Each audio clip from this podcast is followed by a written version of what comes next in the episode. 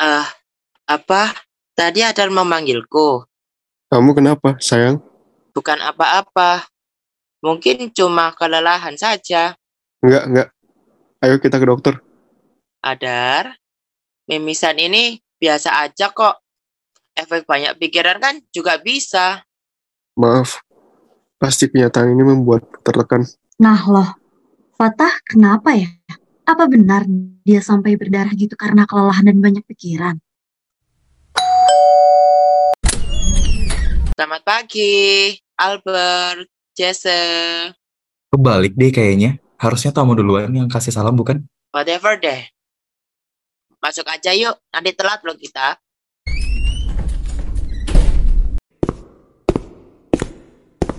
Kalau dipikir-pikir, lucu ya. Kita beda kampus, tapi bisa kuliah bareng kayak gini. Ralat, kalian yang beda kampus sama aku. Hikmah pandemi, kuliah hybrid. Eh bener kan ini ID meetingnya Jess? Bener kok. Hmm, selesai juga. Coba dong tukeran proposal tesis. Aku mau baca punya kalian. Hmm. Wait, aku share dulu ya. Kenapa angkat topik tentang leadership, Fatah? latihan sebelum nanti jadi pimpinan perusahaan sungguhan nih. Ya ya, good idea. Apalagi butuh strategi khusus buat memimpin Gen Z. Ya, bener banget nih. Gen Z itu butuh banget loh pendekatan personal. Jadi kita tuh perlu tahu tentang siapa karyawan kita, latar belakangnya gimana. Pokoknya all about him or her deh. Dan jangan lupakan kesejahteraan karyawan. Biar suasana kerja makin oke. Kayak yang kamu tulis di sini. Well, kalian sendiri kenapa sih kok malah memilih masalah perusahaan keluarga? Kan masih banyak permasalahan yang lain. Aku dan Jess itu diminta mama buat lanjutin bisnis keluarga. Kenapa kita senasib sih? Coba aku tes. Apa tantangan dalam perusahaan keluarga? Penilaian, Penilaian karyawan. karyawan. Iya, tepat. Kita jadi segan mau menegur kalau ada yang salah di kantor. Soalnya kan keluarga sendiri ya. ada kesulitan juga nih tentang memilih pimpinan. Ada semacam rasa segan sih saat memilih pimpinan yang bukan saudara. Iya, bisa-bisa. Pinter juga model kita yang satu ini. Rasanya sih mantan santri dan ex calon prajurit lebih pintar loh. Wah iya dong, aku sama Jesse kan nggak perlu belajar lagi. Udah khatam banget nih proposal tesis segini banyaknya. Tapi ya jangan lupa untuk baca buku dong, Babon. Buku itu sumber utama loh.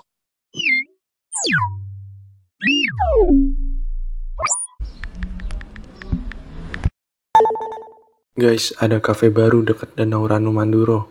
Kayaknya sih mereka sekalian jual pemandangan riverside view gitu. Seriusan, kamu nggak lagi main-main kan Jess? Ya Allah Al, bukannya kamu yang kadang suka ngeprank ya? Di mana sih letaknya Danau Radu Manduro itu? Di desa Manduro, Fatah, kecamatan Ngoro. Ah, I don't know. Belum hafal nih aku sama daerah sini. Padahal Mojokerto sekecil korek api kalau dibandingin sama Bandung. Ya ojo dibanding-banding gitu. Jadi mau nggak nih cobain kafe baru itu? Boleh, boleh. Coba sini kamu mana? Share mapnya ke aku. Ini hotel Jess, bukan kafe. Kamu mau ngajak ngopi atau staycation? Sorry, sorry. Aku lupa. Kafenya ada di dalam hotel. Dan hotelnya juga masih baru. Ajak ortu kita juga, oke? Adar, nanti sore sibuk nggak? Enggak. Kenapa? Ada kafe baru nih di dekatnya Rano Manduro. Riverside View lagi. Ayo nanti ke sana. Berdua aja kan? sama Albert dan JC pastinya. Adar, mungkin mama mereka juga mau ikut nih. Hmm. Oke, oke. Mana teman-temanmu? Ya, itu mereka. Hai. Maaf ya, agak lama. Hedi, sungguh tak terduga banget ya. Apa-apaan kalian? Ya, gak biasanya lihat kamu di luar rumah kecuali urusan kantor gitu. Kayaknya kamu juga nggak begitu kaku ya. Lebih lembut akhir-akhir ini. People change, mah. Benar-benar. Heidi jadi selembut Heidi sekarang. Heidi yang tahu cerita anak-anak itu. Iya, Heidi yang itu. Jangan bilang belum pernah baca novelnya Johannes Spyri. Hmm.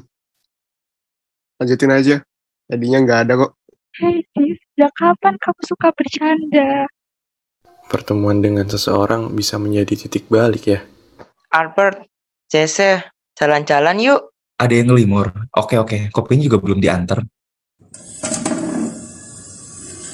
Danau Ranu Manduro terletak di Desa Manduro, Kecamatan Ngoro. Dulunya danau ini merupakan bekas galian tambang. Kubangan air yang lama dibiarkan itu perlahan berubah menjadi danau indah.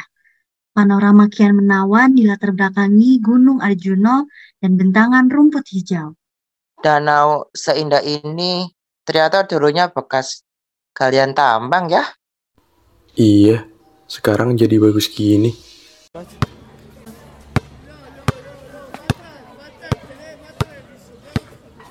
Wah, ada bola basket nganggur tuh. Ayo main. Why not? Fatah, ayo. Enggak ah, kalian aja yang main. Loh, kenapa? Aku tuh pernah dikeluarin dari tim basketku.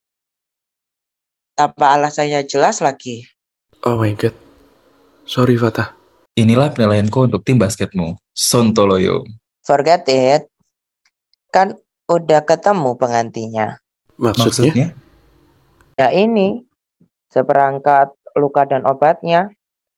Tim basket itu lukanya, dan kalian berduanya sih obatnya. Iya, iya. Kita healing sama-sama ya.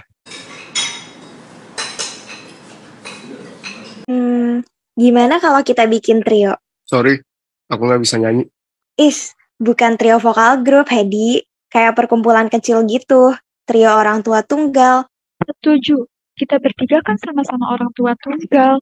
Iya, jadi kita bikin grup WhatsApp juga. Kayak anak-anak. Biar aku aja yang bikin. Wow, Heidi kita ini jadi responsif dan helpful banget ya.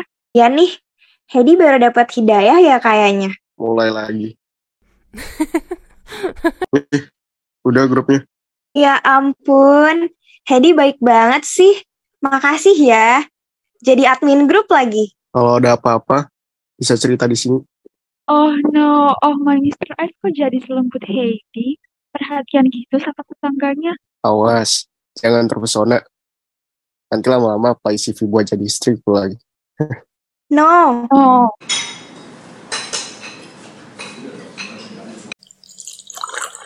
sekarang kita kafe trinketnya ramai-ramai ya, Al. Biasanya hanya berdua saja. Hah? Cafe Trinken?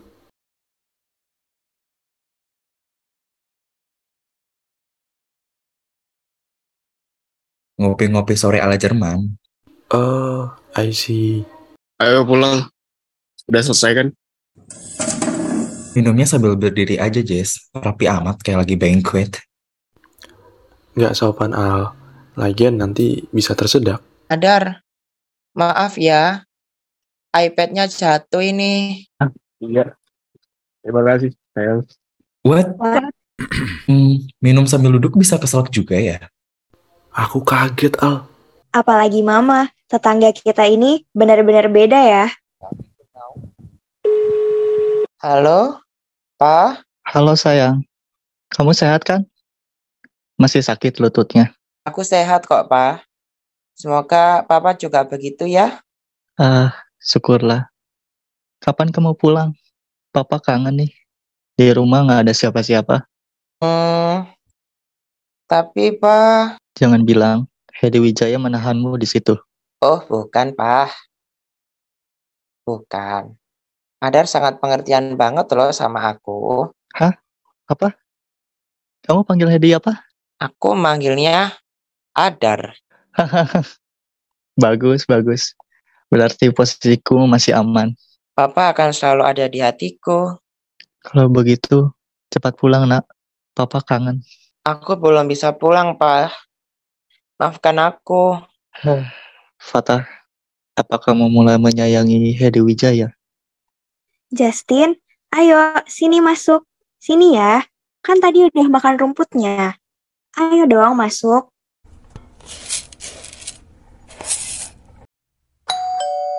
Hmm, siapa ya? Masih Jessie sih? Flightnya kan baru nanti malam. Sore, Sore. Apakah Anda Prabu, pemilik Blambangan Corp? betul sekali. Boleh saya masuk? Silakan. Tunggu sebentar ya. Saya buatkan minuman. Anda rajin sekali, punya banyak pekerja, tapi masih membuatkan minum dan mengendangkan Justin. Saya tahu semua tentang Anda, Jessica Samudra.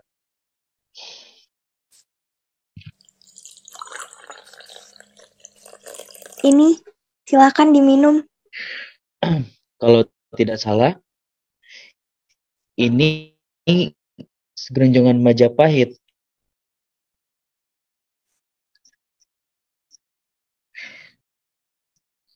Karena saya bisa merasakan gurih santan berpadu dengan manis sirup dan agar-agarnya. Betul.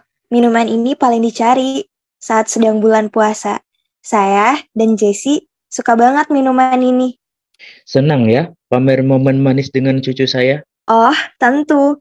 Karena Jessie kan tidak dicintai kakeknya. Biar saya yang memberinya cinta. Boleh saya bertemu Jessie? Nggak bisa. Kenapa? Jessie nggak ada di rumah. Baik. Kalau begitu, akan saya tunggu dia. Nggak usah. Jessie lagi di Banjarmasin. Dia lagi nemuin klien bisnis potensial. Oh, mau pamer pada saya? Kalau Anda sedang menyiapkan Jessie sebagai penerus. Kayaknya Anda udah bisa nerka sendiri deh. Dan emangnya Anda nggak belajar sejarah? Siapa yang membuang Jesse waktu kecil ke dermaga, berharap dia terangkut kapal barang dan lenyap selamanya? Oh, beraninya kamu. Tentu saya berani. Kenapa harus takut? Saya berani ngasuh Jesse sendirian. Saya berani menganggap Jesse darah daging saya sendiri, meski ada seorang kakek jahat yang menerlantarkannya. Oke, kamu akan menyesal. Karena Jessie adalah penerus tunggal dari perusahaan Belambangan Court. Oh, jadi Anda kemari hanya karena urusan bisnis ya? Pragmatis sekali. Kalau gitu, kembalikan Jessie pada saya. Nggak, nggak akan pernah. Dan sekarang Anda harus pergi. Pergi dari sini.